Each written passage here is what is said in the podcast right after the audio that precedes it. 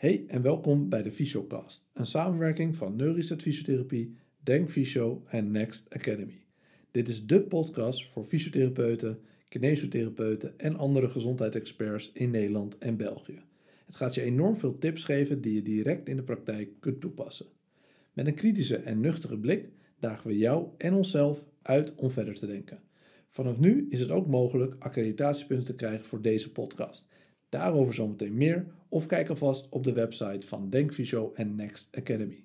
We wensen je heel veel luisterplezier en volg ons ook nog even op Instagram via neureset visio, Denkvisio en Next Academy.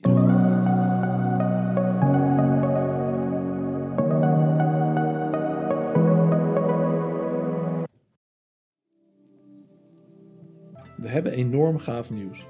Vanaf nu is dit de eerste podcastaflevering voor fysiotherapeuten die te accrediteren is in Nederland en België. Het werkt als volgt. Je kunt nu op een heerlijk ontspannen manier de podcast beluisteren via je favoriete streamingdienst. In de auto naar je werk of lekker tijdens een mooie wandeling. De podcast blijft voor iedereen gratis, maar mocht je hem willen accrediteren als fysiotherapeut, dan betaal je de accreditatie. Ideaal toch? Kijk voor de accreditatiemogelijkheden voor deze podcast op de website van Denkvisio en Next Academy.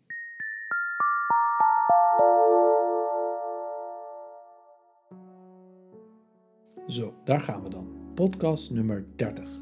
En dit is echt een hele gave. In deze podcast spreken we met Marijn van der Laar, slaapwetenschapper en auteur van Slapen als een oermens. Hij is daarnaast ook adjunct hoofd huisartsopleidingen in Maastricht. Slapen is voor iedereen en van alle tijden. Maar geldt dat ook voor slaapproblemen? Hoezo moeten we 8 uur slapen? En zijn deze eisen wel redelijk in de huidige tijd? We nemen je mee op reis door de wonderenwereld van slaap. Een essentieel onderdeel voor elke fysiotherapeut en zorgprofessional. Marijn van der Laar studeerde biologische psychologie aan de Universiteit van Maastricht en promoveerde op het onderwerp persoonlijkheid en slaap. Hij werkte jarenlang bij Kempenhagen, Centrum voor Slaapgeneeskunde en behandelde mensen met slapeloosheid, ongewenste gedragingen in de nacht en verschopen slaap-waakritmes. Nu werkt hij aan de Universiteit van Maastricht, waar hij huisartsen in de opleiding les geeft over de diagnostiek en behandeling van slaapproblemen. We vroegen Marijn zichzelf eerst voor te stellen. Ik ben uh, dus Marijn van der Laar. Ik ben uh, van de achtergrond uh, neuropsycholoog. Ik heb biologische psychologie gestudeerd en daarna neuropsychologie. En ja, vervolgens ben ik als gezondheidszorgpsycholoog aan de slag gegaan. Heb ik mensen behandeld met angststoornissen, stemmingstoornissen. Eigenlijk het hele spectrum aan psychologische problematiek. En toen dacht ik op een gegeven moment, toen ik de gezondheidszorgopleiding, psychologenopleiding had gedaan, van nou, ik wil me eigenlijk gaan specialiseren. En toen ben ik de slaapkant ingegaan. Dus toen ben ik bij Kempenhagen Centrum voor Slaapgeneeskunde gaan werken. En daar heb ik denk ik een jaar of acht, negen gewerkt. En toen mijn eigen praktijk gehad een paar jaar. En uh, nu ben ik vooral bezig met preventie van slaapproblemen. En gezondheidszorgprofessionals uh, leren over slaap en hoe ze slaap kunnen behandelen. Maar is die uh, interesse in slaap dan gewoon gedurende, of, gedurende weg ontstaan? Of hoe is dat ontstaan? Ja, dat is ontstaan eigenlijk door een eigen slaapprobleem. Dus ik heb, okay. voorheen sliep ik zelf. Ik heb een aantal jaren zelf slecht geslapen. En ik weet dus ook hoe het is als je slecht slaapt, hè, wat voor effect dat heeft op jouw humeur en uh, hoe je in je vel zit en hoe je functioneert overdag. En uh, ik had zoiets van, ik wil er eigenlijk wat meer grip op krijgen. Ik wil wat meer snappen hoe het werkt. Um, en door zelf mensen te ook te behandelen met slaapproblemen, um, ging ik er ook steeds meer inzicht in krijgen wat het probleem was bij mijzelf. Mm -hmm. En heb ik mezelf uiteindelijk ook kunnen behandelen, waardoor ik nu eigenlijk een re relatief goede slaper ben. Okay. Ja. Want vind jij dat, uh, als we het nog even algemeen houden, dat slaap serieus wordt genomen? Wordt er nu genoeg mee gedaan? Ja. Want het is natuurlijk best wel een groot probleem. Ja, dat zeker. komt veel voor. Ja, zeker. Nou ja, wat je, wat je merkt uh, is dat uh, als je bijvoorbeeld kijkt naar het preventieakkoord, is dat er heel veel wordt genoemd over voeding, heel veel wordt ja. genoemd over beweging, over stress, maar dat er eigenlijk heel weinig over slaap wordt gemeld. Mm -hmm. En dat is heel jammer, want ik denk dat slaap eigenlijk de basis is voor alles. Wat je bijvoorbeeld ziet is als mensen slecht slapen, is dat ze slechter gaan eten. Ja. Ja, want ze hebben vaak veel meer zin om zoet te eten, uh, dat soort dingen. Je ziet ook dat ze andere gedragingen laten zien en minder gaan bewegen omdat ze zo moe zijn. Uh, en wat je ook ziet is dat ze natuurlijk heel erg gestrest kunnen raken door het slecht slapen. Dus al die drie pijlers waar nu aandacht aan wordt besteed, hebben als basis, hebben als basis eigenlijk te slapen. Dus ik vind dat slaap wel onderbelicht wordt. En dat is ook waar ik me hard voor maak om het wat meer op de kaart te zetten. Ja, want we hadden het natuurlijk ook met het voorgesprek er al een beetje over. Dat soms ook, omdat het zo complex is en zo breed is, dat ja, niemand dat echt oppakt. Klopt. Bij wie vind jij dan die taak het belangrijkst? Bij wie past dat denk je het beste? Ja, ik denk dat het bij heel veel mensen kan passen. Ik denk dat slaap vooral te maken heeft met gedrag. Mhm. En dat je op het moment dat je een gedragsverandering inzet, heel veel kan bereiken met slaap. Nou, er zijn heel veel professionals die zijn bezig met gedrag. Ja, je hebt het over de psychologen, de psychiaters, maar ook de huisartsen, praktijkondersteuners, de oefentherapeuten. eh, iedereen die eigenlijk bezig is met gedrag, als je de Ja. basic principles van slaap kent, dan kan die eigenlijk wel een stuk van die begeleiding doen. En sterker nog, ik denk gezien die lange wachtlijsten bijvoorbeeld in de GGZ, eh, lange wachtlijsten voor van alles en nog wat, dat het ook een maatschappelijke taak is om het gewoon onder meer mensen te verdelen. Eh, dat wil niet zeggen dat je een one size fits all hebt. Hè? Dus Nee. er zijn ook mensen die bijvoorbeeld bijkomende psychiatrische problemen hebben of hè, die, die echt eh, heel zwaar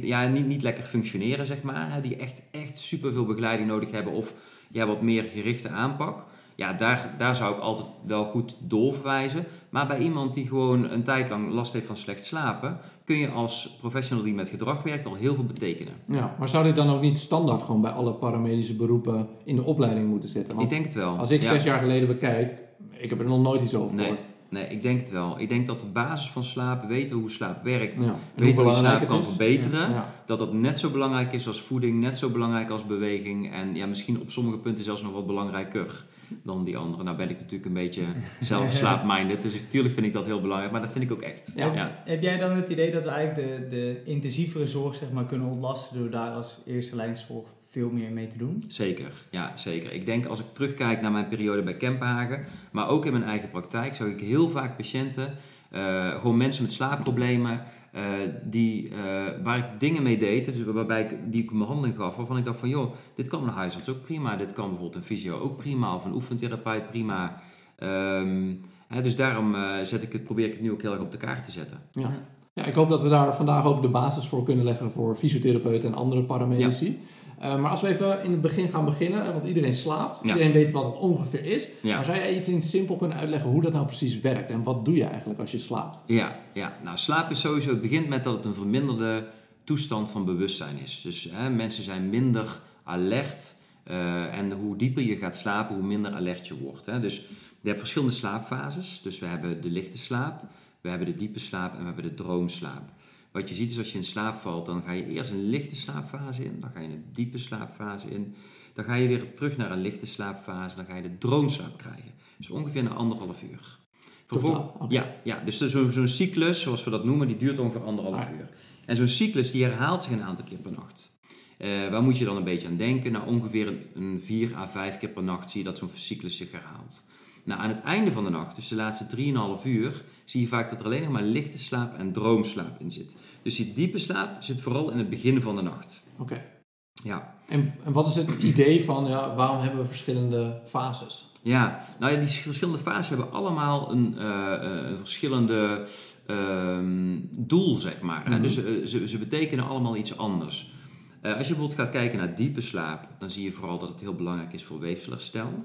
Dan zie je vooral dat het belangrijk is voor spiergroei, maar ook voor bepaalde geheugenfuncties. Ehm, als je gaat kijken naar de lichte slaap, stel je zou bijvoorbeeld overdag een dutje doen of je gaat heel even eh, een licht slaapje doen, dan zie je vaak dat dat heel erg het creatieve eh, vermogen kan vergroten. Mhm. Ehm, en maar ook s'nachts dus. Hè, dat, hè, die, die, die lichte slaapjes, dat zijn eigenlijk, je bent en aan het rusten, maar je kunt ook nog reageren op onze omgeving. Ehm, en de droomslaap, die is vooral heel erg belangrijk voor het emotionele geheugen en voor de verwerking. Oké. Ja, dus ze hebben allemaal een beetje een ander, eh, eh, andere functie voor ons. En als je die, want jij zegt oké, een fase duurt anderhalf uur, Ja, cyclus, ja. je cyclus. En als je die dan weer onderverdeelt, eh, als je dat in percentages, hoe lang Ja. duurt dan je lichte slaap versus je, hoe, hoe zit dat dan ongeveer? Nou ja, je moet zo zien, als je dus, hè, je hebt dus vier à vijf cycli per nacht, waarin dus al die fases doorgaan. En als je dan echt bij elkaar op gaat tellen ongeveer hoeveel diepe slaap je hebt, dan is dat voor een volwassene ongeveer 20% tot 25%. Oké, Dat is best wel weinig dan. Ja, zou je zeggen. Ja. zeker. Nou, droomslaap is een beetje hetzelfde verhaal, tussen 20 en 25%. Dus dan blijft er nog 50% over eigenlijk voor de, voor de lichte slaap. Ja, Oké. Oké, dus eigenlijk de meest belangrijke fases, die zijn het minst. ja Is daar klopt. dan een reden voor? Nou ja, wat je wel ziet is dat die diepe slaap vooral in het begin van de nacht plaatsvindt. En waarom is dat in het begin van de nacht? Uh, de eerste 4,5 uur heb je dus die meeste diepe slaap. Hè? Uh, dat is ook omdat het evolutionair gezien heel erg handig is. Want stel, je staat op dat moment onder druk, of je hebt stress, of je moet kunnen reageren, is het helemaal niet handig om 8 uur of 7 uur, want dat slaapt de gemiddelde Nederlander ongeveer, mm -hmm. om 7 uur in één stuk door te slapen. Hè? Wat eigenlijk ons lichaam doet, is heel mooi. Want hij zegt eigenlijk, nou, als je 4,5 tot 5 uur geslapen hebt, heb je eigenlijk de belangrijkste slaap gehad. Okay. En kun je weer door. Dus prioriteit eerst en dan. Uh, Juist. Ja. Ik had wel een vraag voor je, want ik had ooit een keer een andere podcast gehoord dat in de middeleeuwen dat ze eigenlijk heel gefragmenteerd sliepen. Ja. En dat ze ook s'nachts heel creatief bezig waren of met kunst of wat dan ook. en hoe, hoe kan het dan, of A, is dat dan gezonder voor Mhm. ons en waarom zijn we dat kwijtgeraakt? Ja, dat is een hele goeie. Nou ja, wat je natuurlijk in de middeleeuwen zag, is dat we nog geen gebruik maakten van kunstlicht. Dus zeker op het noordelijk halfrond is het dan in de winter vooral best wel snel Ja. donker. Ja. En wat mensen dan deden, is dan gingen, gingen ze eigenlijk redelijk op tijd naar bed. Ehm, en in de nacht, de nacht was vaak ook wel een beetje geassocieerd met eh, spoken, heksen. Er was heel veel bijgeloof natuurlijk in de middeleeuwen. Dus mensen waren ook, ook best wel een beetje bang in de nacht. En wat, eh, wat, wat men ook denkt is dat dat waken, zeg maar, wat je dan in de nacht deed, dat het ook die reden Ja. had.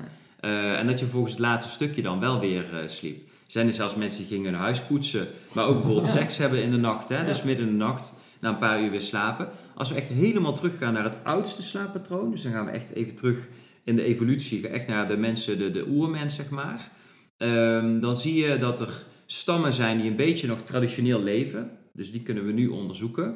En we verwachten eigenlijk dat mensen vroeger dus ook zo ongeveer leefden. Dan zie je eigenlijk dat toch het merendeel van die slaap in de nacht plaatsvindt. En dat er niet zozeer twee fases slaap is, zoals in de middeleeuwen. Maar dat we toch eerder echt dagdieren zijn die vooral s'nachts slapen. En redelijk aan één stuk door. Interesting. En ehm, kunnen we dan, want je hebt nu het proces van slapen een beetje verteld. Maar wat is dan de voornaamste, voornaamste functie? Is dat herstel? Mhm. Kun je, dat is eigenlijk, hè, dus eh, zowel fysiek als mentaal, Ja. is het eigenlijk herstellen. Herstel is de belangrijkste functie. En dat zie je ook op het moment dat je dus mensen eh, helemaal niet laat slapen. Hè? Dus eh, mensen bijvoorbeeld echt tien dagen wakker houdt. Wat vroeger ook als martelmethode werd gebruikt. Dan zie je dat mensen uiteindelijk ook bijvoorbeeld psychotisch worden. Dus ze kunnen de werkelijkheid niet meer onderscheiden van fantasie. Nou is het gelukkig zo dat eh, vrijwel niemand door slecht slapen psychotisch wordt. Of je moet er al een aanleg voor Mhm. hebben. Maar wat, het zegt wel iets over de functie. Dus dat waarschijnlijk toch ergens daar een soort van gevoeligheid kan ontstaan. En dat slapen toch wel iets doet met het categoriseren in ons hoofd ook. Dus als wij dingen zien, prikkels binnenkrijgen, dan kunnen we ook overprikkeld raken op het moment dat we dus niet slapen. En als je dat maar dagenlang doet, dat niet slapen, dan kun je, kan je brein letterlijk overbelast raken. Ja, want wat ik met beweegschappen ooit heb geleerd, als ik het goed heb onthouden, is dat als je een nieuwe cognitieve taak leert overdag, Ja. dat je hem eigenlijk s'nachts vooral processed Ja, en dat juist. dan eigenlijk alle linkjes worden gelegd. Klopt. Ja, zeker. Ehm, ja. Dus dat dat ook eigenlijk een heel belangrijk iets is. Waarom mensen die willen graag heel hard pompen en Ja. sporten en dingen leren. ja, Ehm, maar dat je beter als je een belangrijke toets morgen hebt, op tijd kan gaan slapen en het kan processen dan Zeker. eh, de hele nacht door. Ja, eh, er zijn ook echt onderzoeken naar gedaan, inderdaad, wat je zegt. Dus, eh, en dan zie je ook dat mensen tussendoor slapen veel beter presteren dan mensen die maar gewoon doorleren tot het moment dat het tentamen is, bijvoorbeeld. Oké, interesting. Ehm, Oké, dus dat zijn een beetje de basisfuncties van slapen. Ja. Als we dan over tekort hebben, want dat is natuurlijk vaak het probleem. Wanneer is het het tekort? Ja. Wanneer is een tekort? Ja, ehm, nou ja, tekort is ook wel heel vaak iets wat natuurlijk eh, in het algemeen gebruikt wordt als woord. Hè? En ehm, ik denk dat je vooral moet praten over een slechte slaapkwaliteit. Ik denk dat als we gaan eh, Nederland gaan kijken, dan zie je ook dat de meeste mensen niet tekort slapen, maar dat ze wel een slechte slaapkwaliteit hebben. Nou, wat is nou een slechte slaapkwaliteit? Dat is eigenlijk dat je moeite hebt om in slaap te vallen en ook moeite om door te slapen. Mhm. Dus dat is heel subjectief. Nou, heel veel mensen denken dat ze binnen vijf minuten in slaap moeten vallen. Maar dat is niet helemaal, hè, niet helemaal het goede verhaal. Want de meeste mensen gemiddeld eh, hebben tussen de 20 en de 30 minuten nodig om in slaap te vallen. Dus dat is eigenlijk heel normaal. Maar ook twee tot drie keer kortdurend wakker worden s'nachts is ook heel erg normaal. Ehm, nou ja, op het moment dat je dus praat over een slaapprobleem of eh, eh, een verminderde slaapkwaliteit, dat zijn mensen die echt heel lang nodig hebben om in slaap te vallen. Misschien wel een uur, anderhalf uur, maar die tussendoor ook vaak, vaak en lang wakker zijn. Nou, de gevolgen van zo'n eh, beperkte slaapkwaliteit, die zijn eigenlijk best wel groot. Want wat je ziet is dat mensen hè, een verminderde stemming kunnen krijgen, verminderde concentratie, ga minder goed presteren, professioneel, sociaal. op allerlei vlakken zie je eigenlijk dat er uitval is. Hè? Dus mensen gaan echt problemen ervaren.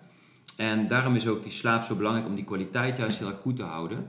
Ehm, en heel veel mensen denken bijvoorbeeld ook als je het over een tekort hebt dat je bijvoorbeeld 8 uur slaap nodig hebt. Terwijl de gemiddelde Nederlander heeft 7 uur slaap nodig ongeveer. Mhm. Maar 6 uur is bijvoorbeeld ook nog heel erg normaal. Zolang de slaapkwaliteit voldoende is. Die moet goed zijn, ja zeker. Dat is heel belangrijk, die slaapkwaliteit. En dan gaat het dus over die 20, 20, 60 procent, zeg maar die verdeling in die fases. Dat is de slaapkwaliteit. Ja, en vooral dus inderdaad het inslapen en het doorslapen. Als je over het algemeen kan zeggen dat jij uh, binnen een half uurtje ongeveer in slaap valt en je wordt twee à drie keer per nacht kortdurend wakker, heb je eigenlijk subjectief een goede slaapkwaliteit. Oké.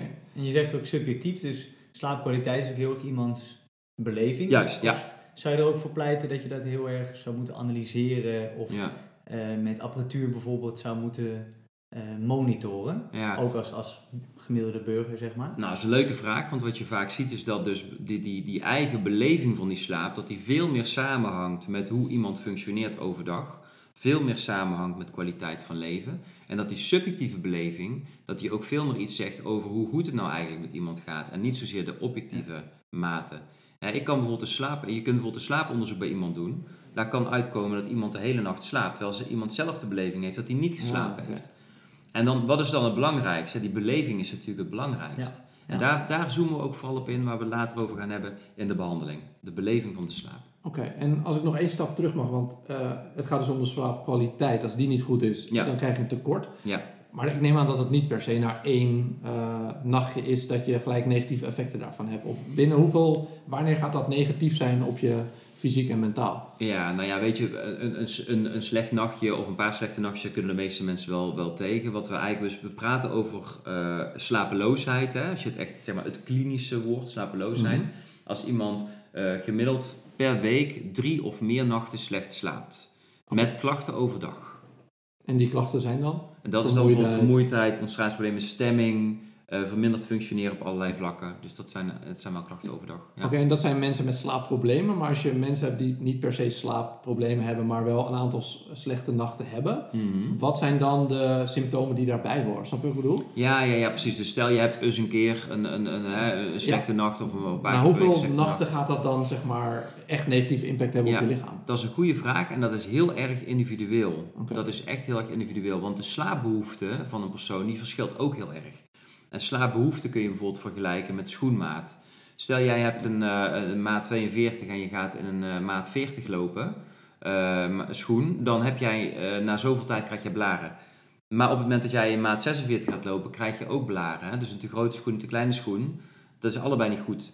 En zo kun je slaapbehoefte ook zien. Als iemand een slaapbehoefte van 6 uur heeft en die ligt bijvoorbeeld 8 uur op bed en die heeft een hele verbrokkelde slaap, dan gaat hij op een gegeven moment gaat eigenlijk minder goed functioneren. Ben je iemand die een hele kleine slaapbehoefte heeft, dus die bijvoorbeeld maar een uurtje 4,5 of 5 nodig heeft, dan kan het best zijn dat je na een paar korte of slechte nachten toch nog steeds prima kan functioneren. Want je bent toch een beetje aan je slaap gekomen. Dus het is een beetje verschillend. En wat je ook ziet is dat oudere mensen vaak toch net iets beter ook tegen slaapproblemen kunnen dan jongere mensen. Hebben die dan ook minder slaap nodig? Ja, dat zou je misschien denken. Maar wat we zien is dat als je in Nederland gaat kijken, dat ook de ouderen zo gemiddeld een uurtje of zeven per nacht slapen. Net als de volwassenen. Okay. Ja, kanttekening erbij is natuurlijk dat je slaapkwaliteit plaatst bij alle andere leefstijlfacetten van een mens. Zeker. En dus ook uh, hoeveel je beweegt, wat je Tuurlijk. is. Ja, zeker.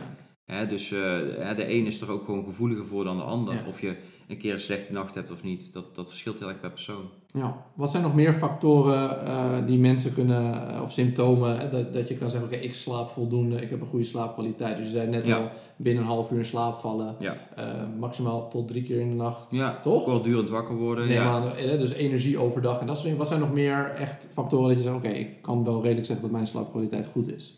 Nou ja, de, de slaapkwaliteit denk dat we daar de, de belangrijkste facetten wel van genoemd hebben.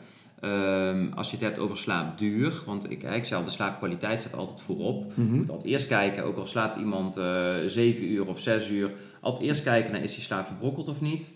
Daar moet je dan eerst aan werken. Maar je hebt natuurlijk ook mensen die zichzelf echt depriveren van slaap. En daar heb ik het echt over mensen die bijvoorbeeld uh, maar vier uur per nacht op bed gaan liggen omdat ze maar doorstomen. Mhm. Gelukkig is dat percentage veel kleiner. Hè? Dus het is vrij klein in Nederland van mensen die zichzelf echt heel weinig slaap gunnen.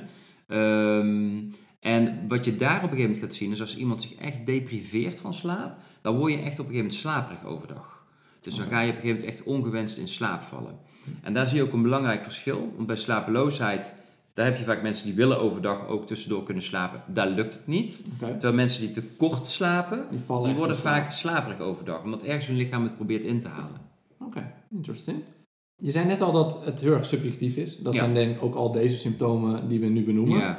Ehm, maar als we dat nou echt concreet willen meten, wat zijn mm. dan instrumenten hoe dat gedaan wordt? En wat meet je dan? Ja, nou ja, stel je wil echt slaap meten. Er, eigenlijk, er zijn een aantal indicaties waarvoor je bijvoorbeeld slaap zou kunnen meten. Stel jij bijvoorbeeld uh, het idee dat er sprake is van slaapapneu, om maar zoiets te noemen. hè? Mhm. Dus slaapapneu, daar hebben we het niet over gehad, maar dat is een slaapstoornis waarbij je dus tussendoor ademstops hebt.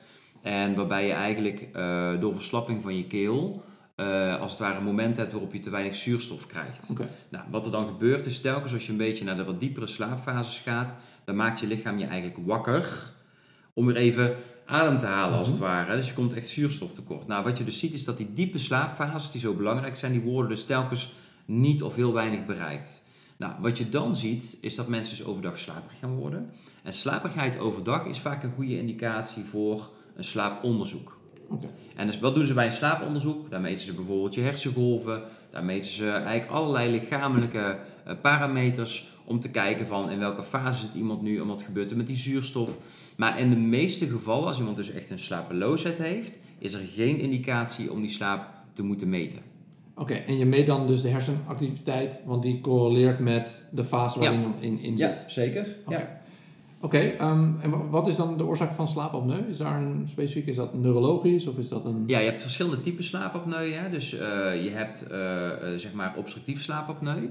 Uh, obstructief zegt eigenlijk al, de term zegt het al, er is een obstructie. Ja, mhm. wat, wat er dus gebeurt als je gaat slapen, is verslappen je spieren.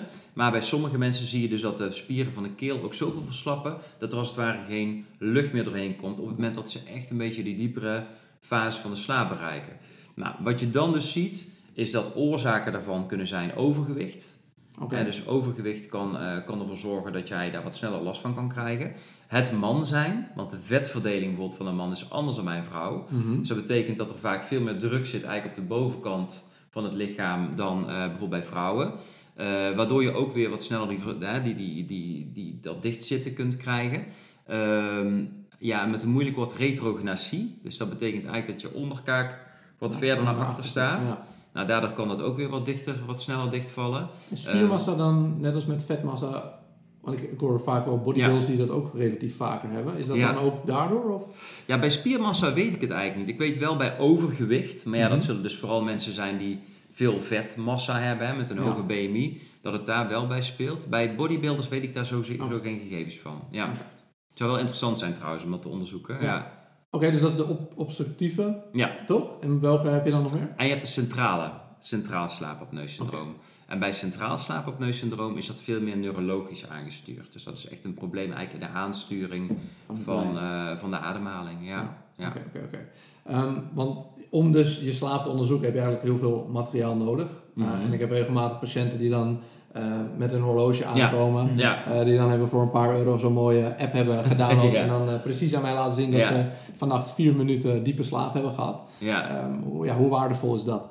Ja, dat is eigenlijk helemaal niet waardevol. okay. dus ik kan er eigenlijk heel duidelijk in zijn. Nee, het meten van je slaap door middel van apps of door middel van smartwatches of telefoons, dat kan eigenlijk op een hele slechte manier simuleren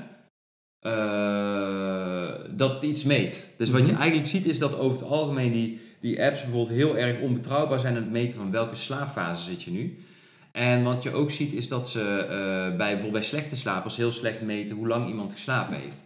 Als je goede slaper bent, dan zijn ze redelijk in het inschatten hoe lang je geslapen hebt. Ben je slechte slaper, dan zie je eigenlijk dat ze al niet meer betrouwbaar zijn. En is het dan ook omdat je een goede slaap bent dat het toch niet heel veel uitmaakt wat die fases precies zijn? Want wat is er dan nog waardevol aan om te weten hoe lang je slaapt? Ja, precies. Nou ja, dat is een beetje de vraag inderdaad. en je zou ook gewoon een beetje terug kunnen rekenen. Weet je, als je gewoon goed slaapt, kun je een beetje tellen. Dan denk je, nou, ik heb vannacht 7 uur geslapen. Hoe voel ik me overdag? Fit? Nou, prima. Weet je, en, maar vermoeidheid is ook wel een dingetje, want vermoeidheid kan natuurlijk ook met andere dingen samenhangen, ja. alleen maar met je slaap. Ja, oké. Dus apps, uh, horloges, ringen, het kost veel geld, maar... ik zou het niet gebruiken. Zoveel, uh, nee, ik zou de, de, eigenlijk de, de oplossing om beter te slapen, die is heel goedkoop. Dat is niet zo leuk voor heel veel producenten. Mhm. Maar uh, ik denk dat, het wel, dat dat wel een beetje de conclusie is. Ja. Ja, ja, en dus wat jij net zegt is dus de, waar we het in het begin over hadden, het, het subjectieve, het gevoel, dat dat mhm. veel meer zegt dan de statistische dingetjes van die... Maar mensen willen natuurlijk altijd heel graag zwart op wit. Ja, precies. Het geeft een beetje controle. Hè. Van, ja. oh ja, dan weet ik ongeveer hoe ik geslapen heb. En, maar ik heb bijvoorbeeld ook wel eens ooit mensen gezien en die zeiden van... Nou ja, mijn app geeft aan dat ik de hele nacht geslapen heb, maar ik heb voor mijn gevoel de hele nacht wakker gelegen. Ik heb zelfs nog een boek gelezen en hij zei dat ik aan het slapen was. Maar dat komt omdat mensen met slapeloosheid vaak heel erg stil gaan liggen. Ah, ja. Om maar te kunnen slapen. En dan meet zo'n ding dat je aan het slapen bent. Oké. En, wat is dan in een klinische setting de manier om uit te vragen? Als stel iemand is, heeft gewoon rugpijn of gewoon iets wat niet per se... Uh, hij komt vaak niet bij ons natuurlijk van ik heb een slaapprobleem. Maar het kan wel een heel belangrijk iets zijn in de hele leefstijl. Wat is dan een goede manier om voor ons om dat uit te vragen. Ja, nou ja, waar je, ik denk dat een hele belangrijke is sowieso als iemand last heeft van pijnklachten, is standaard ook om te vragen hoe je slaapt. Mm want we weten dat pijn en slaap heel erg met elkaar samenhangen. Ja. Um, dus, dus daar zou ik eigenlijk mee beginnen. En hoe vraag je dat uit? Je begint eigenlijk met vragen van, goh, uh, hoe ervaar jij je slaap op dit moment? Uh, heb je last van inslaapproblemen of doorslaapproblemen of misschien te vroeg wakker worden? Want dat mhm. zijn eigenlijk de drie facetten van de slaap die vaak gestoord zijn. Heb je het idee dat je door het slechte slapen ook problemen hebt overdag? Dan vraag je altijd naar stemming. Je vraagt altijd naar concentratie, geheugen. Professioneel functioneren, sociaal functioneren vraag je naar. En uh, nou ja, weet je, dan krijg je op een gegeven moment een beetje een beeld van hoe iemand uh, functioneert. Vermoeidheid vraag je ook nog naar. Dan vervolgens vraag je naar hoe lang heb je er al last van? Zijn er volgens jou bepaalde oorzaken voor naast de pijn? die kunnen verklaren waarom jij dit slaapprobleem hebt. Um, hè, zijn er dingen die jou stress geven op dit moment? Mm Pieker je veel in bed? Hè, dus alles wat met stress en piekeren te maken heeft. Um, wat je ook uitvraagt, maar daar gaan we het later over hebben, is de omstandigheden rondom de slaap. Ja. Dus, de, dus en zo ga je een soort van anamnese eigenlijk in om eens te kijken rondom die slaap van wat gebeurt er allemaal. Wat heeft iemand zelf al geprobeerd? Nou, ik heb echt mensen die hebben echt de raarste dingen geprobeerd. Hè, iemand die bijvoorbeeld zegt van nou, ik heb gewoon, ik heb gewoon een hond klein naast het bed liggen. En als ik dan niet kan slapen, dan doe ik een lamp aan, een grote lamp aan. Dan ging ze dus lopen kleien. Ja, dat is natuurlijk ja, heel, heel creatief, letterlijk en figuurlijk. De oplossing, maar ook het kleien wellicht. Maar ja, of het nou leidt tot beter slapen, dat is maar de vraag. Hè. Hielp het bij haar? Wat zei je? Hielp het bij haar? Nee.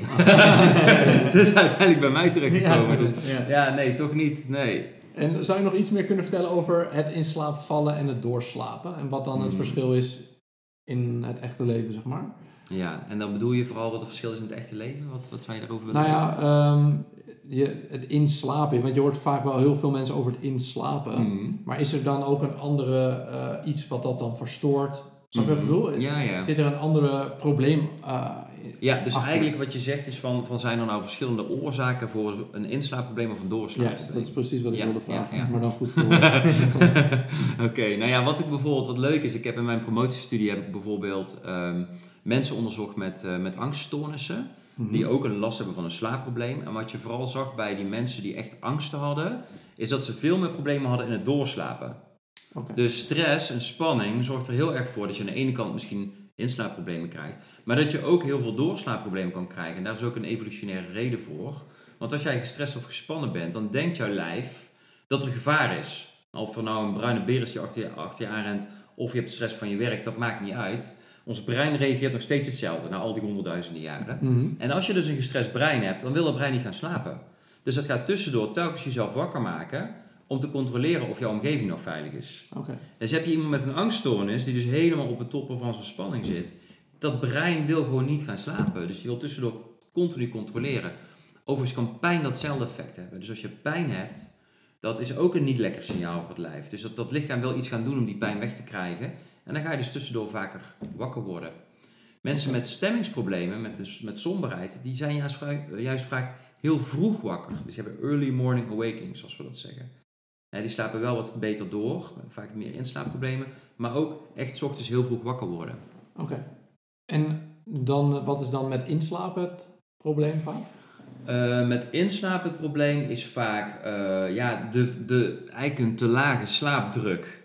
Dus een te lage slaapdruk. Daar gaan we het later ook nog over hebben. Wat is slaapdruk? Maar wat, wat ja, waar het vooral mee te maken heeft, is eigenlijk van... Uh, stel je voor je hebt geen honger, dan smaakt eten ook niet lekker. Nou, als je niet voldoende slaap hebt, dan ga je ook niet lekker slapen. Zo kun je het eigenlijk vergelijken. Dus als jij bijvoorbeeld net heel veel gegeten hebt en je gaat meteen weer beginnen met eten, dan denk je, hm, ik zit eigenlijk vol. Uh, het smaakt niet lekker, je kunt niet lekker eten. Als jij net bijvoorbeeld heel lang op bed gelegen hebt en je gaat bijvoorbeeld na een uurtje of negen weer opnieuw op bed liggen, dan heeft je, is je lichaam nog niet slaperig genoeg. Okay. Dus dat moet zich opbouwen om lekker in slaap te kunnen vallen, maar ook weer om goed door te slapen. Uh, maar vooral bij het inslapen zie ik vaak ook dat mensen dat probleem hebben dat ze niet slaperig genoeg zijn bij het in, uh, inslapen. En heeft dat dan meer te maken met leefstijl? Is dat dan ook, is dat te kort door de bocht? Nou ja, uh, inderdaad. Hè. Dus wat ik heel veel in de praktijk zie, ook in mijn, mijn, mijn studie zag ik dat, is de gemiddelde Nederlander die ligt ongeveer 7,5 uur op bed, mm -hmm. waarvan die ongeveer 7 uur slaapt. Uh, de gemiddelde persoon met slapeloosheid ligt tussen de 9 en de 9,5 uur op bed. Dat is even langer in bed. Ja. ja. Maar dat zijn denk ik ook wel iemands cognities over. Nee, ik ben moe, ik slaap niet zo goed. Ja. Ik ga maar in bed liggen om... Juist, ja je wil aan, meer, denken, aan meer slaap komen. Hè? Dus dat is een beetje ons, hoe onze maatschappij is ingericht. We willen meer. We zijn moe, dus we willen meer slapen. En wat, wat dit is eigenlijk is een beetje omdenken van... Eigenlijk gaat het niet om meer slapen, maar het gaat om beter, slapen. Ja. En dan moet je dus in eerste instantie weten dat het om slaapkwaliteit gaat. Ja. En dat weten denk ik al de meeste mensen niet, wisten nee. ook niet namelijk. Nee. Klopt, ja, um, zeker. Ja. Oké. Is het misschien nu juist zo mooi uh, om over de slaapschuld ja. Uh, ik denk dat het wel een mooie tijd daarvoor is. Ja, zeker. Ja, slaapschuld, hè, dat, is, dat is eigenlijk een ander woord voor slaapdruk. Het is eigenlijk allebei hetzelfde. Dat heeft te maken met een stofje wat in je brein zit. Dat heet adenosine. Mhm. En hoe langer je buiten het bed bent en hoe meer je beweegt, hoe uh, meer dat stofje wordt opgebouwd. Dus wat je eigenlijk ziet is dat, en dat is heel mooi, want bijvoorbeeld een recent onderzoek heeft ook echt laten zien dat het lichamelijk zo werkt dat jij dus en slaperiger wordt maar ook minder arousal hebt. Dus eigenlijk minder alert bent tegen de tijd dat je naar bed gaat als jij langer buiten bed bent geweest. En misschien ken je het zelf ook wel. Je zit achter het stuur, het is avonds laat, eh, je bent aan het rijden, het is donker. Het is eigenlijk een hele gevaarlijke situatie. Maar je hebt het idee dat je elk moment in slaap kan vallen. Je gaat een beetje knikkenbollen. Nou, heel veel mensen hebben het gehad. Uh, ik heb het zelf ook wel eens ooit gehad. En uh, dat is echt slaapdruk. En ook al zitten we in een hele gevaarlijke situatie, die slaapdruk wordt zo hoog dat ons lijf het overneemt. Ja. ja. Nou, dus dat is slaapdruk. En dan bouw je dus op door uh, niet te lang in bed te blijven liggen. En door dus ook overdag actief te zijn. Ja. Zowel fysiek, mentaal als... Juist, ja. Juist, ja. ja. Mm -hmm. Oké, okay, ja, dus we komen, ik wil het nog even hebben over de, de invloed van daglicht ook ja. erbij. Want dat um, kunstlicht is eigenlijk helemaal niet heel goed voor ons slaap- en waakritme. En nee. daglicht uh, juist veel beter. Zou je dat even kort toe kunnen lichten? Ja, het is zo dat als je gaat kijken naar het slaapwaakritme, dus net had ik het heel erg over de slaapdruk. Dat is één proces. Maar er is nog een ander proces in ons lichaam wat ervoor zorgt dat wij op het juiste moment, op het juiste moment gaan slapen en wakker zijn. En dat heeft te maken met je biologische klok. Mm -hmm. Dus dat zijn twee dingen die kun je uit elkaar trekken. Maar dus, dus, dat, dus daglicht heeft er geen invloed op die slaapdruk? Nee, dat zijn twee verschillende dingen. Ah, oké. Ja, ja, dus ja, aan de ene kant heb je slaapdruk, aan de andere kant heb je de biologische klok. Is dat het cardiaans Circadiaans ritme, ja. Ja, ja, ja, precies. De circadiaans ritme, dat noemen ze ook wel proces S en proces C. S is slaapdruk, C is circadiaan ritme. Die twee werken, als het goed is, die zorgen er samen voor dat je een 24 uur ritme krijgt. Dus het opbouwen van slaapdruk, maar ook op het juiste moment naar bed gaan om, uh, hè, volgens je biologische klok. Nou, hoe werkt de biologische klok? Die uh, is heel erg afhankelijk van een aantal dingen, eigenlijk van heel veel dingen. Maar als je kijkt naar de twee grootste dingen, zie je melatonine aan de ene kant Melatonine bereidt het lichaam voor om te gaan slapen en zorgt ervoor dat die klok weet van hé, hey, we gaan dadelijk eh, richting, eh, richting bed. Nou, dat is één ding. Daglicht zorgt ervoor dat melatonine minder snel wordt opgebouwd. Dus het breekt het niet af, maar het zorgt ervoor dat het minder snel wordt opgebouwd. Nou, dus als jij uh, bijvoorbeeld daglicht, maar ook kunstlicht, want ik zeg nu daglicht, maar ook kunstlicht in de avond, te veel kunstlicht om je heen hebt voordat je naar bed gaat, dan krijgt jouw lichaam dus eigenlijk niet voldoende kans om lekker die melatonine op te bouwen. en dan zijn er heel veel mensen die zeggen, ja, maar dat is vooral blauw licht. Dus iedereen een oranje bril op, iedereen een zonnebril op s'avonds. Uh, terwijl wat we nu weten is dat het niet zozeer dat blauwe licht is, maar dat het veel meer licht in zijn algemeenheid is. En dat het vooral omgevingslicht is.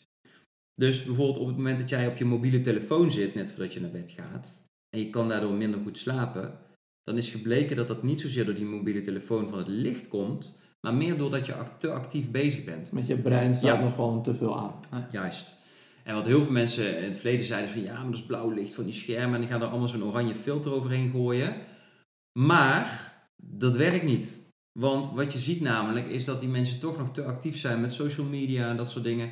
En dat zorgt er dus voor dat je brein te actief blijft en dat zorgt ervoor dat je minder goed kan slapen. Dus waar hebben we het over als we het hebben over kunstlicht en eh, de biologische klok en waar moet je rekening mee houden? Overdag goed in het daglicht zijn. Liefst eigenlijk op het moment dat je 's ochtends opstaat, de gordijnen open in de zomer of in de lente of net een beetje najaar. In de winter wordt het lastiger, want dan Mhm. hebben we minder licht.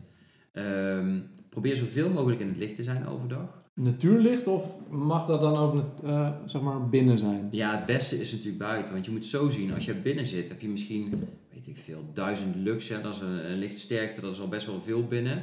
Terwijl buiten, als je buiten komt en het is een beetje een heldere dag, 10.000 lux. Gewoon tien keer zoveel. En het blijkt ook dat als je overdag in meer licht bent, dat je ook minder last hebt van licht in de avond. Voor mij is het 30 minuten per dag toch, wat een beetje een minimum is wat ze... Zeker, maar ik zou het zeker meer doen, joh. Op het moment dat het lukt om overdag in het licht te zijn, moet je het gewoon doen. Ja, maar je zegt van, ja, ik ben druk, ik heb een kantoorbaan, Ja. en s morgens is het donker, dus thuis Ja. kom is het donker. Nou ja, als je een keer een eh, overleg hebt met iemand, zeg kom we gaan een stukje wandelen. In plaats van dat je op een stoel gaat zitten. Het is ook nog goed voor je beweging en je komt in het licht. Ja. Voor je stemming. Voor je stemming is het goed, want licht is ook heel belangrijk voor onze stemming Zeker. inderdaad. Ja. Ja. Nou ja, dus, dus we, ik, ik ben een groot voorstander van, van dat soort kleine, van dat soort kleine dingen. Maar iedereen heeft er altijd direct zijn eigen excuses voor van dat lukt niet. Ja, ja, ja, ik vind het heel mooi dat je dat zegt. Want Ja. Ik geloof altijd in het laaghangende fruit van oké, doe dan het overleg even buiten. Want Ja. dan slaan, sla je twee vliegen in één klap. ja, het overlegt vaak ook nog lekkerder vind ik. Dan zit je al de hele dag in zo'n muf kantoor. Ja. Ja. Wat zijn nog meer dingen die invloed hebben op die biologische klok? Naast. Ehm, nou ja, ook bijvoorbeeld eh, je voeding. Oké. Eh, dus wat we weten is als je bijvoorbeeld eh, net voordat jij gaat slapen heel zwaar gaat tafelen of wat dan ook, weet je. Dus dat, dat werkt ook niet lekker, want jouw hele eh, ehm, darmhuishouding en zo, die is ook ingericht op dag en nacht. Mensen die bijvoorbeeld nachtdiensten draaien, die hebben vaak heel veel last van hun buik. Maar dat komt vaak omdat die darmen ook veel minder goed werken in de avond. Hè. Dus dat is ook allemaal biologische klok. Beweging dus, waar we het net over hadden. Hè. Dus ochtends in het licht komen, beweging kan heel erg helpen. Ehm, Consistentie in tijden. We ja, hadden het net in het voorgesprek al een beetje over Ja. hoe, hoe belangrijk is zeg maar, voor het lichaam dat je gewoon weet, ik ga elke avond om 10 uur naar bed en Mhm. sta om 6 uur op, bewijs van. Is dat belangrijk? ja, zeker. Nou ja, onze biologische klok houdt heel erg van een ritme. Je ziet het ook als je bijvoorbeeld een jetlag hebt. Hè? Dus je vliegt naar een ander eh, land. Je hebt in één keer een verschuiving van een aantal uren. Dat het lichaam moet daar even aan wennen. Ehm, dus ja, als het kan, probeer het zo gelijk mogelijk te houden. Dan kan natuurlijk niet iedereen dat, want sommige mensen werken in ploegendiensten. Mhm. Maar als het kan, zou je het zo gelijk mogelijk kunnen houden. En is vooral het tijdstip van opstaan het belangrijkst. En wat is dan belangrijk? Een bepaalde tijd nog? Ja, ja nou ja, dat je in Hetzelfde te houden bedoel je? Probeer het zoveel mogelijk hetzelfde te houden. Maximaal te verschuiven met anderhalf uur in het weekend. Oké. En ma maakt het dan nog uit eh, of je zegt, oké, eh 10 en 6 is beter of 12 en 8 is beter? Of maakt dat niet zo... Eh, dat ligt eraan wat voor type je bent. Oké, dus dat is Hè, dus ook daarin hebben we heel veel verschillende types. En de reden daarvoor is ook weer evolutionair bepaald. Want als je natuurlijk in een, in een, in een stam ligt s'nachts en je hebt heel veel ochtendmensen en je hebt heel veel avondmensen, is er eigenlijk altijd wel iemand wakker. De avondmensen zijn vaak nog tot laat wakker, de ochtendmensen heel vroeg. Mhm. Dus het verschilt heel erg per persoon. En eh, ik denk dat het altijd heel goed is om te kijken wat is nou mijn ritme op het moment dat ik vakantie heb. Dat is eigenlijk waarschijnlijk Als je relaxed je bent. en- normale biologische ritme. Oké. Ja. Oké. En daarin kan je ook aflezen van hoeveel tijd heb je zo'n beetje nodig, wat, wat bij jou als persoon zeg maar past. Ja. En dat laat je ook wel veel terugkomen dat, ja, weet je, als jij zes uur nodig hebt, ga dan ook, ja, ga dan niet acht uur in bed Nee, liggen. zeker niet. eh, gaat het niet beter Nee, dat verslechtert je Ja. slaap, zeker. Ja, interessant, leuk.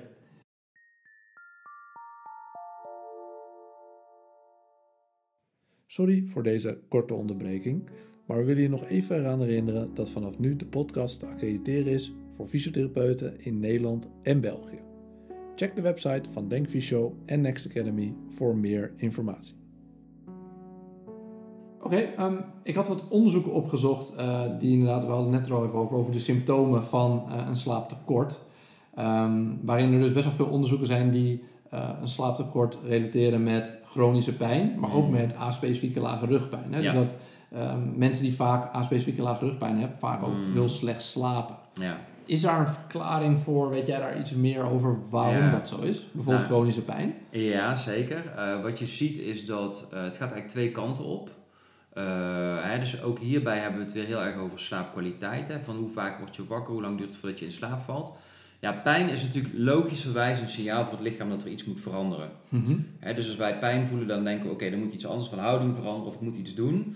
Nou ja, als je dat continu hebt, dan staat je lichaam dus ook in een soort van alertheidstoestand. Dat zorgt ervoor dat je minder goed gaat slapen. Ja. Andersom werkt het zo dat als jij slecht slaapt, dat jij gevoeliger bent voor pijn. En dat noemen we ook wel sensitisatie. Precies. Dus er zijn onderzoeken gedaan dat als mensen chronische pijnklachten hebben en ze, eh, en ze slapen slecht, of je laat ze echt veel korter slapen, dat ze dan de dag erna, dat ze dan eigenlijk gevoeliger zijn voor stroomstootjes. Dat ze eigenlijk zeggen van als het stroomstootje, oh dat doet echt heel veel pijn. Terwijl mensen die goed geslapen hebben, die ranken die stroomstootjes dan als minder pijnlijk. Oké. Dus je ziet echt dat er iets blijkbaar iets in ons brein gebeurt op het moment dat wij heel slecht slapen, waardoor jouw ervaring van pijn ook verandert. Ze hebben datzelfde gedaan bij eh, topsporters. Mhm. Eh, ik weet niet of je dat gezien had. Voor mij ging, waren het wel twee onderzoeksgroepen die wel heel sportief waren. Ja, Maar ook inderdaad in pijntolerantie. Maar ook in dat mensen die niet veel bewegen ook een Ja. veel lagere tolerantie Ja, hebben. En zeker. in relatie dan met dit verhaal is dat natuurlijk ook ja, belangrijk. ja, Ja. zeker. Dus goed slapen, goed bewegen, zijn- dat, zijn, het zit eigenlijk allemaal een beetje in dezelfde hoek. Hè? Ja. Ja, wat dus weer heel erg terugvalt op dat het gaat dat het brein zich eigenlijk onveilig voelt. Juist, ja, Toch? ja, ja, bij, eh, bij pijnklachten. Ja, Ja, want statistisch best wel hoog, want mensen met chronische rugpijn hebben wel 18 keer zoveel kans op de diagnose slapeloosheid. ja, Het zijn natuurlijk ook bepaalde groepen vaak. ja, En geschat wordt dat 9% van de mensen met chronische pijn regelmatig last heeft van gebroken nachten. ja, Dus dat is, ja, dat is heel veel. dat is wel veel. En dan zou je misschien verwachten dat je dus door de chronische pijn slechter gaat slapen. Maar uit langdurig onderzoek blijkt dat slecht slapen veel meer chronische pijn voor, eh, eh, voorspelt dan andersom. Mhm. Oké, Oké, dankjewel. Dit is wel een, dit is wel een is echt een- belangrijk om te Ja, dus onthouden, als we het dan hebben ik. over Ja, basis ja. en over eh, fysiotherapie bijvoorbeeld, dat soort dingen. Dan zie je dat slecht slapen dus echt heel veel van die pijnklachten kan veroorzaken, verklaren. Ja. Ja. nou, bizar hè? Oké, ehm, hebben we nog iets inhoudelijks over slaap, wat, hè, zo, zeg maar, wat het eh, uitlegt wat we nu gemist hebben? We hebben het over het inslapen, doorslapen, überhaupt de functies van slapen. Ja. Ehm, ja, misschien zou je nog iets kunnen vertellen over, eh, want daar over die routines, over het gebruik van cafeïne. Want Ja. dat heeft natuurlijk ook invloed op je Ja. inslapen waarschijnlijk Ja, vooral. Wat zeker. doet dat dan? Ja, Eh, nou ja, het gebruik van cafeïne. Cafeïne zorgt ervoor dat je alert wordt. Hè? Dus het zorgt er letterlijk voor dat jij meer in de actietoestand komt. Dus dat is averechts werkt het vaak op de slaap. Want dan willen we juist ons overgeven aan een rustmoment. Eh, dus cafeïne kan er, en dat verschilt per persoon. Mhm. Maar cafeïne kan er bij heel veel mensen voor zorgen dat ze problemen krijgen met inslapen. Oké, Ja, en dat is dus eigenlijk met alle stimulerende middelen. Hè? Dus je hebt cafeïne, maar bijvoorbeeld ook gebruik van heel veel drugs. alcohol zag ik staan. Alcohol, ja. Bij alcohol zie je wel vaak dat mensen redelijk snel in slaap vallen. Maar dat ze, als je gaat kijken naar de slaapkwaliteit, gefragmenteerder slapen. Dus je ziet eigenlijk vaker wakker worden, minder diepe slaap. eh, dus de kwaliteit van de slaap verslechtert. Zit suiker daar ook bij? Eh, suiker, eh, dat is heel leuk, want er zijn heel veel onderzoeken gedaan naar voeding en slaap. En er is eigenlijk niet een eenduidig effect van voeding op slaapkwaliteit. Dus daar is best wel discussie over. Van wat is nou eigenlijk de beste voeding om goed te kunnen slapen? Ehm, maar ja, wat, wat, wat men wel zegt is vooral voordat je gaat slapen bijvoorbeeld toch niet te veel suikers meer nemen. Maar meer eh koolhydraatarm en wat ietsjes eiwitrijker Eiwitrijk. voordat je naar bed gaat. Ja. En is er dan ook nog een strategie voor cafeïnegebruik?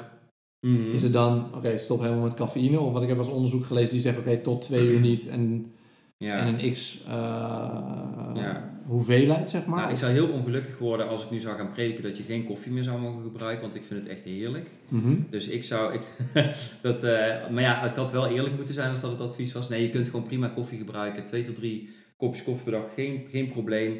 Tot een uur of zes voor de meeste mensen s'avonds.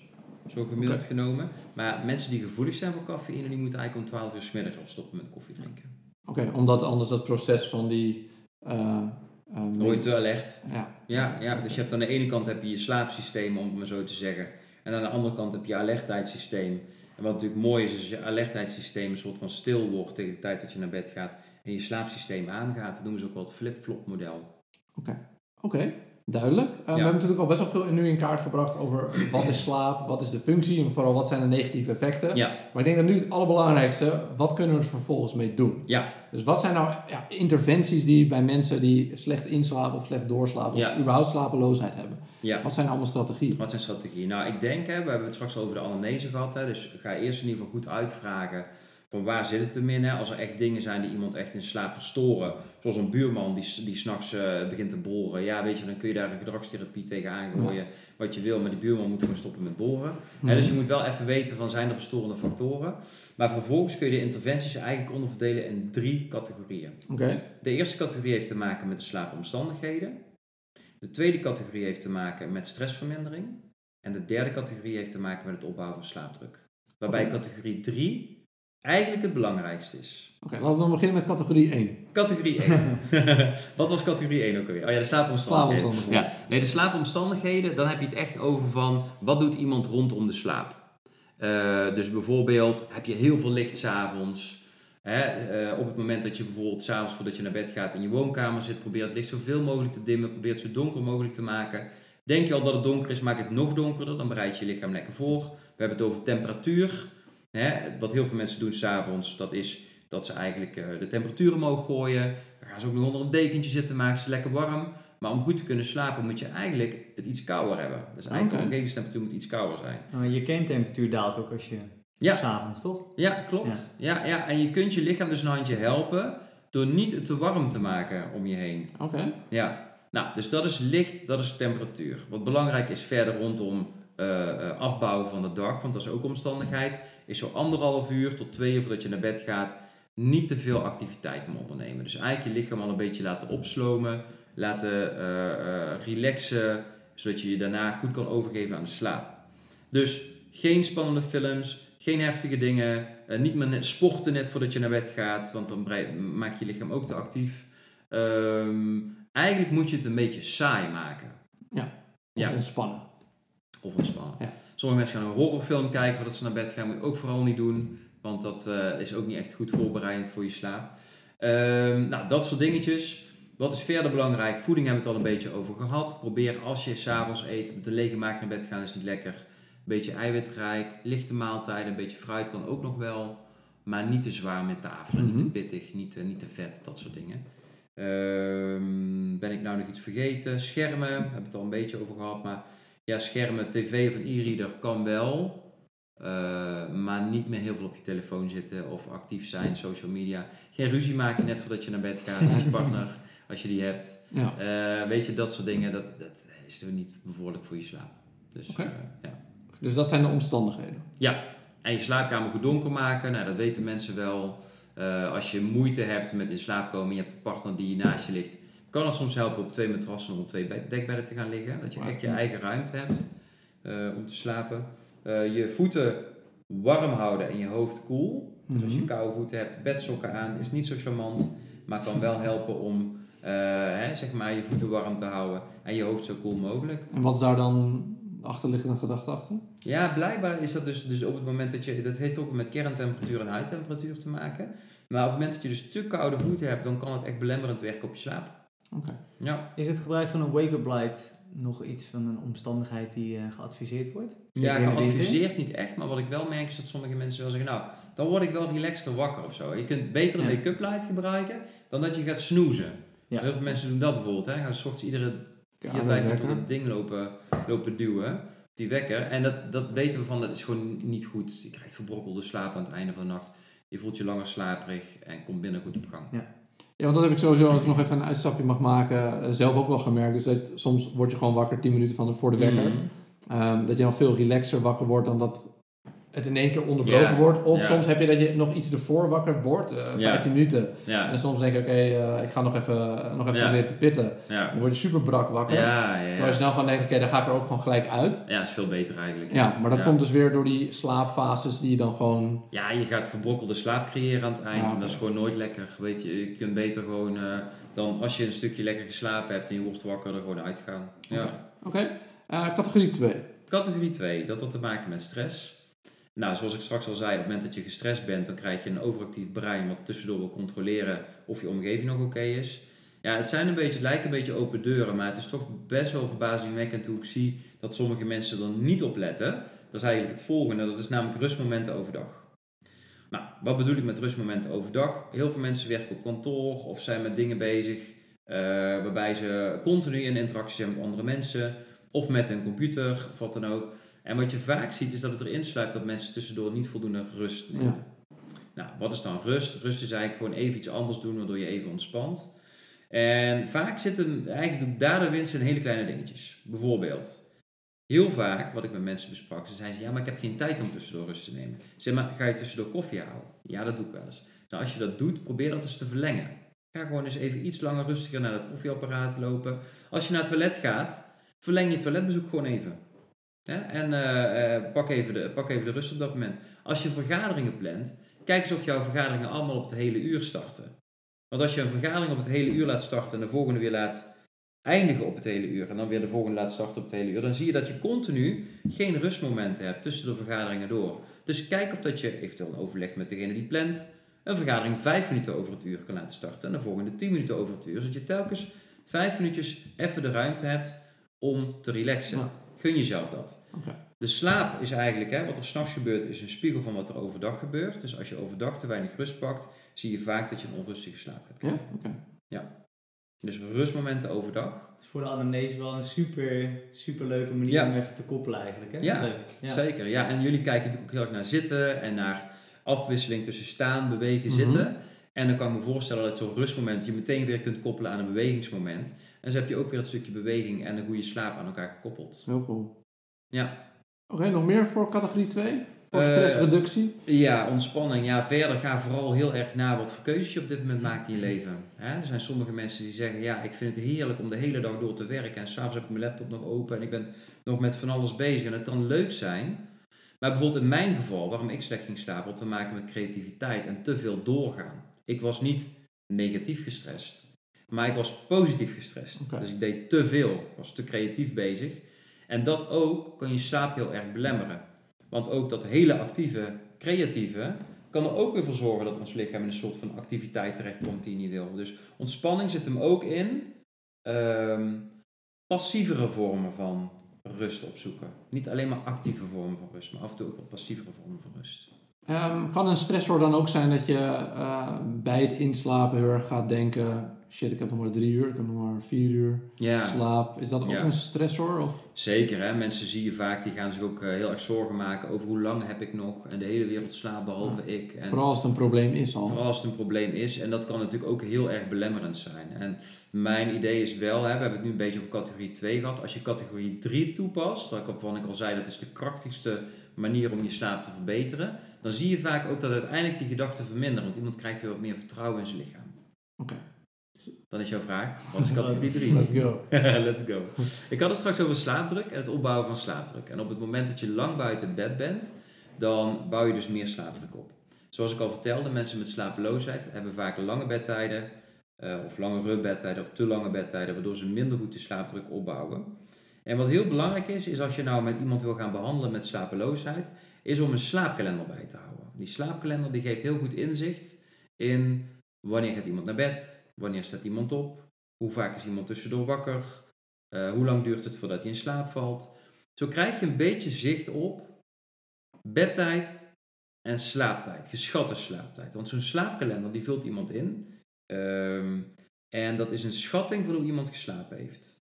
Dus dat is niet met de wekker. Want de wekker moet je vooral niet op gaan kijken, want dat versterkt juist je slaapprobleem. Mm nou, als je zo'n slaapkalender een week laat invullen, dan zie je vaak ongeveer hoe iemand, uh, hoe lang iemand op bed gelegen heeft, maar dus ook hoe lang iemand voor zijn eigen gevoel ongeveer geslapen heeft. Stel je nou voor, iemand heeft 8 uur op bed gelegen en die slaapt ervan 5,5 uur. Dan zie je dus dat die slaapdruk, die druk om te moeten slapen, die is te laag. Iemand ligt eigenlijk veel te lang wakker op bed. Nou, dan moeten we dus die slaapdruk gaan ophogen.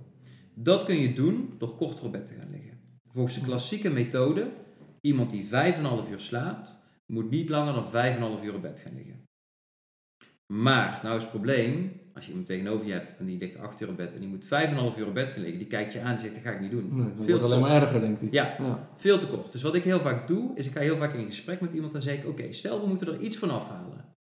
Wat zou er voor jou haalbaar zijn om minimaal een week vol te houden? Wat je dan vaak ziet is dat mensen er een beetje tussenin gaan zitten. En stel je voor, iemand slaapt 5,5 uur. Die zegt, nou weet je wat, ik ga geen 8 uur op bed liggen, maar ik ga bijvoorbeeld 6,5 uur op bed liggen de komende week. Je houdt een vaste bedtijd aan, dus vast tijdstip van naar bed gaan, vast tijdstip van opstaan. En dan ga je naar 6,5 uur. Nou, dat is al heel mooi, want dan haal je er dus anderhalf uur per nacht vanaf qua bedtijd. Maar je zegt dus op basis van iemand zijn geschatte slaaptijd in die slaapkalender, zeg je dus van oké, zo lang ga je gewoon naar bed. Maar als dat dan twee uur is, of drie uur? Ja, dat is een hele belangrijke toevoeging. Want op het moment dat je dit gaat doen, dan mag je niet onder de vijf uur bedtijd gaan. Dat klinkt dus nog heel kort, vind ik eigenlijk. Ja, maar, dat, is toch, ja dat, dat klopt. Maar als iemand echt maar aangeeft dat hij bijvoorbeeld 3,5 uur slaapt, ah, ja, ja. weet je, dan, dan, dan kun je iemand wel 8 uur op bed leggen, of 7 uur of 6,5 uur. Maar dan heb je kans dat de therapie niet, goed, niet voldoende werkt. Dus wat heel belangrijk is, is dat je in ieder geval kijkt van joh, dan mag je in principe teruggaan naar 5. Um, ehm, maar in heel veel gevallen zeggen mensen, ja maar 5 vind ik wel erg kort, dus ik wil ietsjes langer. Dat, dat mag dan best. Um, als het maar haalbaar is een week lang. Wat je vaak gaat zien, is dan laat je iemand weer een slaapkalender bijhouden. Dus je hebt een slaapkalender van week 1, dat is je basismeting. Dan heb je met iemand afgesproken dat hij korter op bed gaat liggen. Krijg je week 2. Die week 2 van die slaapkalender houdt die persoon weer bij met die kortere bedtijden. En die komt na een week bij je terug.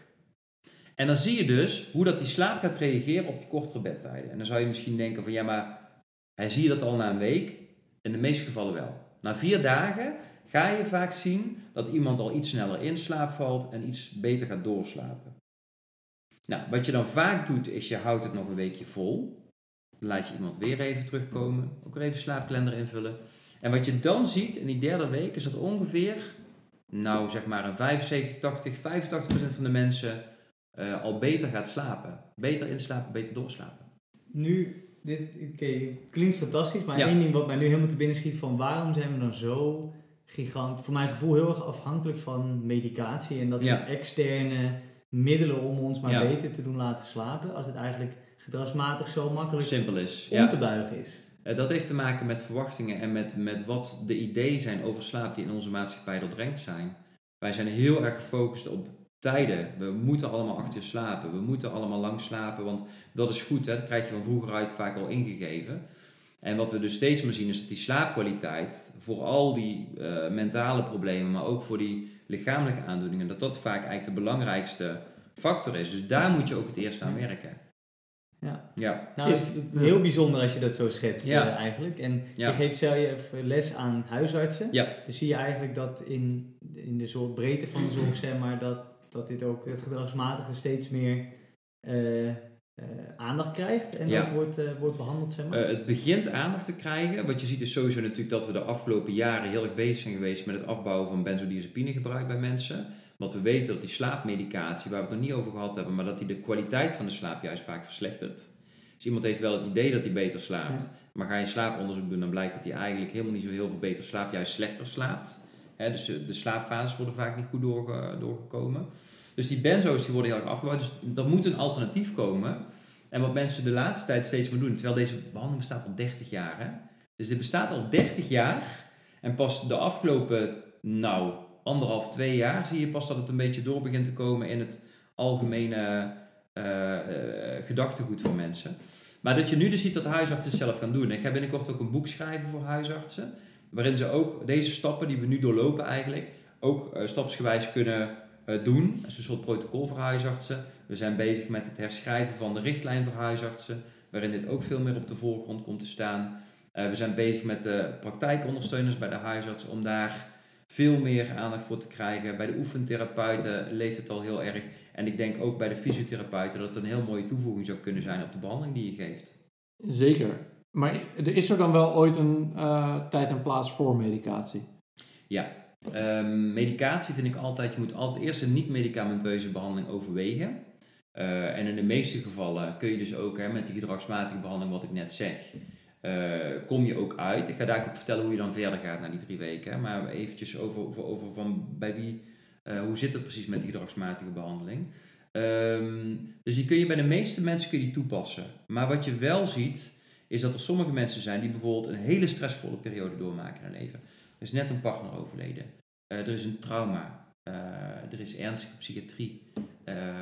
bij die mensen moet je vaak wel heel erg kijken naar van oké, het is nou zo heftig allemaal. Ik kan nou wel met jou aan de slag gaan en kortere bed, maar daar is geen ruimte voor. Het is echt puur even symptoombestrijding. Ja. Om het even... Ja, ja precies. Ja, en ook bijvoorbeeld, hè, wat wel een aandachtspunt is bij deze behandeling, is hij kan in principe bij bijna iedereen uh, uitgevoerd worden. Dus ook bij kinderen bijvoorbeeld, hè, tussen de 6 en de 14 is onderzoek gedaan, kan het ook goed werken.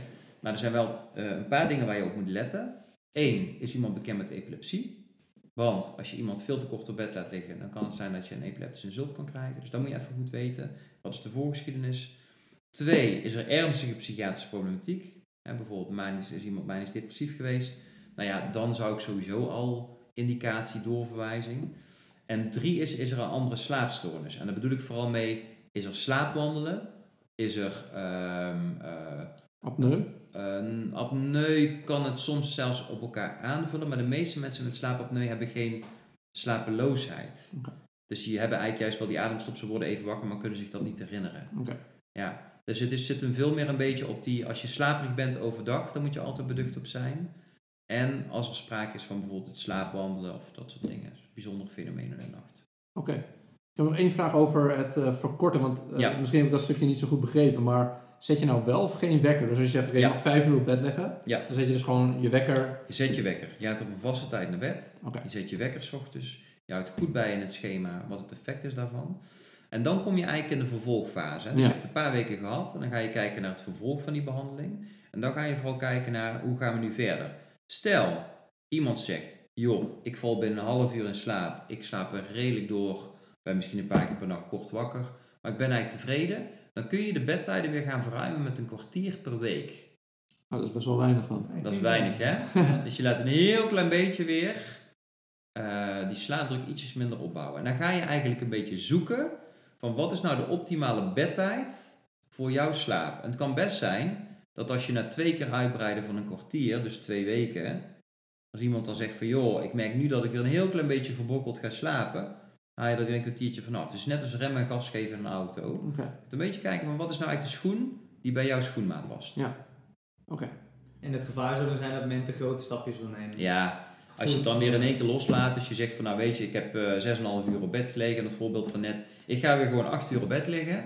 Dat is dat je eigenlijk veel te snel het weer loslaat en iemand valt weer heel snel terug in zijn oude slechte slaap. En dat wil je natuurlijk niet. Oké, dat is duidelijk. En dan kunnen we dus ook de slaapkalender toevoegen op onze leeromgeving. dat mensen dat eens kunnen inzien. Ja.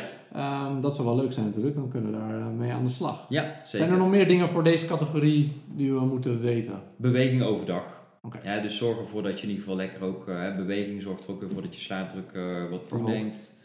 Niet te laat natuurlijk. Hè, dus tot, uh, tot maximaal anderhalf tot twee uur voordat je naar bed gaat. Een beetje wandelen kan natuurlijk wel. Maar echt actief sporten niet meer doen. Maar verder is beweging ook goed om je slaapdruk Vinden wij altijd heel fijn om te horen. Ja? Tuurlijk. Bewegen als oplossing voor alles. Ja, hè? ja precies. En nou zijn er natuurlijk wel specifieke groepen die ja, niet onderuit komen om niet te slapen. Als je een bepaald mm. beroep hebt, uh, dat soort dingen. Hoe, gaan, hoe kunnen die mensen daar het beste mee omgaan? Dus als je in ploegendiensten werkt mm. of... Ja, is daar onderzoeken, ja, zijn er onderzoeken naar? Ploegendiensten, dat kun je, uh, dat, dat, dat, is natuurlijk vooral, ja, je ritme is dan gewoon verstoord. Hè, want je moet dan weer s'nachts gaan werken, dan weer overdag gaan werken. Ik zeg al, we zijn eigenlijk dagdieren. Mhm. Met uitzondering van sommige mensen die een heel erg verschoven ritme hebben en die echt nachtbrakers zijn. En die kunnen vaak ook heel lekker die nachtdiensten draaien. Of de nachtportiers. dus daar zit ook variatie. Je hebt extreme. Je hebt ook mensen die bijvoorbeeld heel erg een verschoven ritme hebben. Die pas rond een uur of vier in slaap vallen en bijvoorbeeld pas rond een uur of elf wakker zijn. Nou, die kun je vaak prima een nachtdienst laten draaien. Ehm, maar als je het hebt over nachtdiensten, dan is het vooral belangrijk dat je een paar dingen dat je daar rekening mee houdt. Het ene is dus weer voeding. Weet dat je darmen een beetje stil liggen in de nacht. Dus ga ook in de nacht niet te vet eten. Niet te, uh, ja, te heftig eten, uh, pittig of zo. In de eerste helft van je, uh, van je nachtdienst kun je wel wat koolhydraten eten. In de tweede helft van je nachtdienst zou ik dat ook weer wat minder doen. Omdat je weer moet voorbereiden op de slaap die eraan komt. Cafeïne hetzelfde. Als het je helpt om de eerste helft van de nachtdienst een beetje wakker te blijven koffie drinken. Tweede helft van de nachtdienst proberen niet meer te doen. Uh, bij mensen die ochtends merken dat ze heel veel moeite hebben om slaap te vallen na een nachtdienst, kan bijvoorbeeld uh, het opzetten van een zonnebril helpen als je naar huis toe gaat. Melatonine, hè, dus dat is weer dat mm stukje. Uh, als je net in het felle licht hebt gezeten en je wil gaan slapen, dan lukt dat vaak minder goed. Wat ook belangrijk is bij mensen met nachtdienst, we hebben tot nu toe over slaapkwaliteit gehad. En dat is natuurlijk heel belangrijk. En Alle dingen die we nu besproken hebben gelden ook voor de nachtdienst.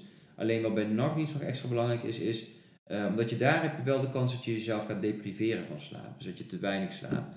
Probeer zo'n beetje aan een 6 uur slaap per etmaal te komen. 6 uur slaap per 24 uur. Um, dat betekent voor sommige mensen dat ze een dutje doen voor ze de nachtdienst in gaan. Of een anderhalf uur dutje, waarbij je een cyclus maakt. Andere mensen die zeggen, nou ik vind het fijn om tussendoor nog even een paar keer een kort dutje te doen na een nachtdienst. Ook prima. Maar probeer echt een beetje ook aandacht te geven aan je slaap. En als ik het goed begrijp, heeft het dus niet zo erg te maken met het verschuiven van de tijden mhm. die anders worden, maar meer met je hebt gewoon minder goede slaap. Minder je hebt gewoon minder goede slaap. Als jij overdag gaat slapen na een nachtdienst, dan zie je bijvoorbeeld ook dat je 1 tot 4 uur korter slaapt dan als jij gewoon s'nachts slaapt. Ja, precies. Want je, je hebt ook wel eens mensen die dan zeggen, oh ja, ik weet niet hoe, precies hoe dat gezegde gaat, maar dan uh, een x aantal uur voor 11 uur, dat telt meer als daarna of zo. Is dat dan ook echt zo? Of nee. dat maakt dus gewoon niet nee, slaap dat is gewoon slaap. uit. Slaap is slaap. Um, het gaat gewoon om die 6 uur per 24 uur. Ja, wat we wel zien is natuurlijk dat als jij overdag gaat slapen, echt overdag als het licht is, dat de kwaliteit van de slaap natuurlijk ook vaak wat minder is dan als je s'nachts slaapt. Heeft ook te maken omdat je dan net aan de andere kant van je biologische klok zit. Dus ons lijf is daar eigenlijk niet goed op gebouwd. Ja, oké, dus dan maakt de tijd wel uit wanneer je slaapt. Oké, in dat opzicht. Ja, in dat opzicht wel, ja. Oké, heb jij nog iets over ploegendiensten wat je wil weten? Nee, meer, meer dat ik ze in het werkveld wel veel zie eigenlijk met chronische pijn. En dat ik daarmee daar dit verhaal des te, des te boeiender vind. En ja. dat het heel belangrijk is dat we niet vergeten wat, uh, wat pijnbeleving doet. Of wat slaap eigenlijk doet met pijnbeleving. Zeker, uh, ja. Ja, zeker. dat neem ik absoluut mee. Heel, heel boeiend verhaal. Ja, nou, ik vond het heel leuk om erover te vertellen. En ik zou het heel leuk vinden als jullie ermee aan de slag gaan. Gaan we doen. Ja, en als mensen ook meer willen over leren, want je hebt ook een boek geschreven. Ja, klopt. Ik heb het boek Slaap als een oermens geschreven. En dat is eigenlijk een beetje geschreven voor iedereen. Dus uh, ook mensen die zeggen, goh, ik wil wat meer over slaap weten. Kun je dat boek gewoon lezen. Er staan ook de methodes in waar ik het hè, vandaag over mhm. heb gehad. Dus uh, hoe pas je toe? Er zit ook weer een slaapkalender in. Uh, maar er worden ook andere slaapstoornissen bijvoorbeeld in besproken, waar we het vandaag niet over hebben gehad, bijvoorbeeld slaapwandelen. Maar ook een beetje de, nog net iets meer over de evolutionaire, evolutionaire basis van slaap en hoe je slaap dus kan verbeteren. Dus daar kun je altijd uh, lezen, Slaap als oermens. Gaan we die ook nog even toevoegen in de link? Leuk, ja. Super bedankt. Echt, uh, ik denk dat we het wel het meeste hebben besproken. Hè? Zeker weten. Ja, ook echt heel nice. Hartelijk dank dat je onze podcast hebt beluisterd. We hopen dat je weer veel nieuwe kennis hebt opgedaan. De Fysiocast is een samenwerking tussen NeuroReset Denkfysio en Next Academy. Wil je nog meer kennis opdoen en opleidingen volgen? Kijk voor het gehele aanbod op denkfysio.nl en nextacademy.be.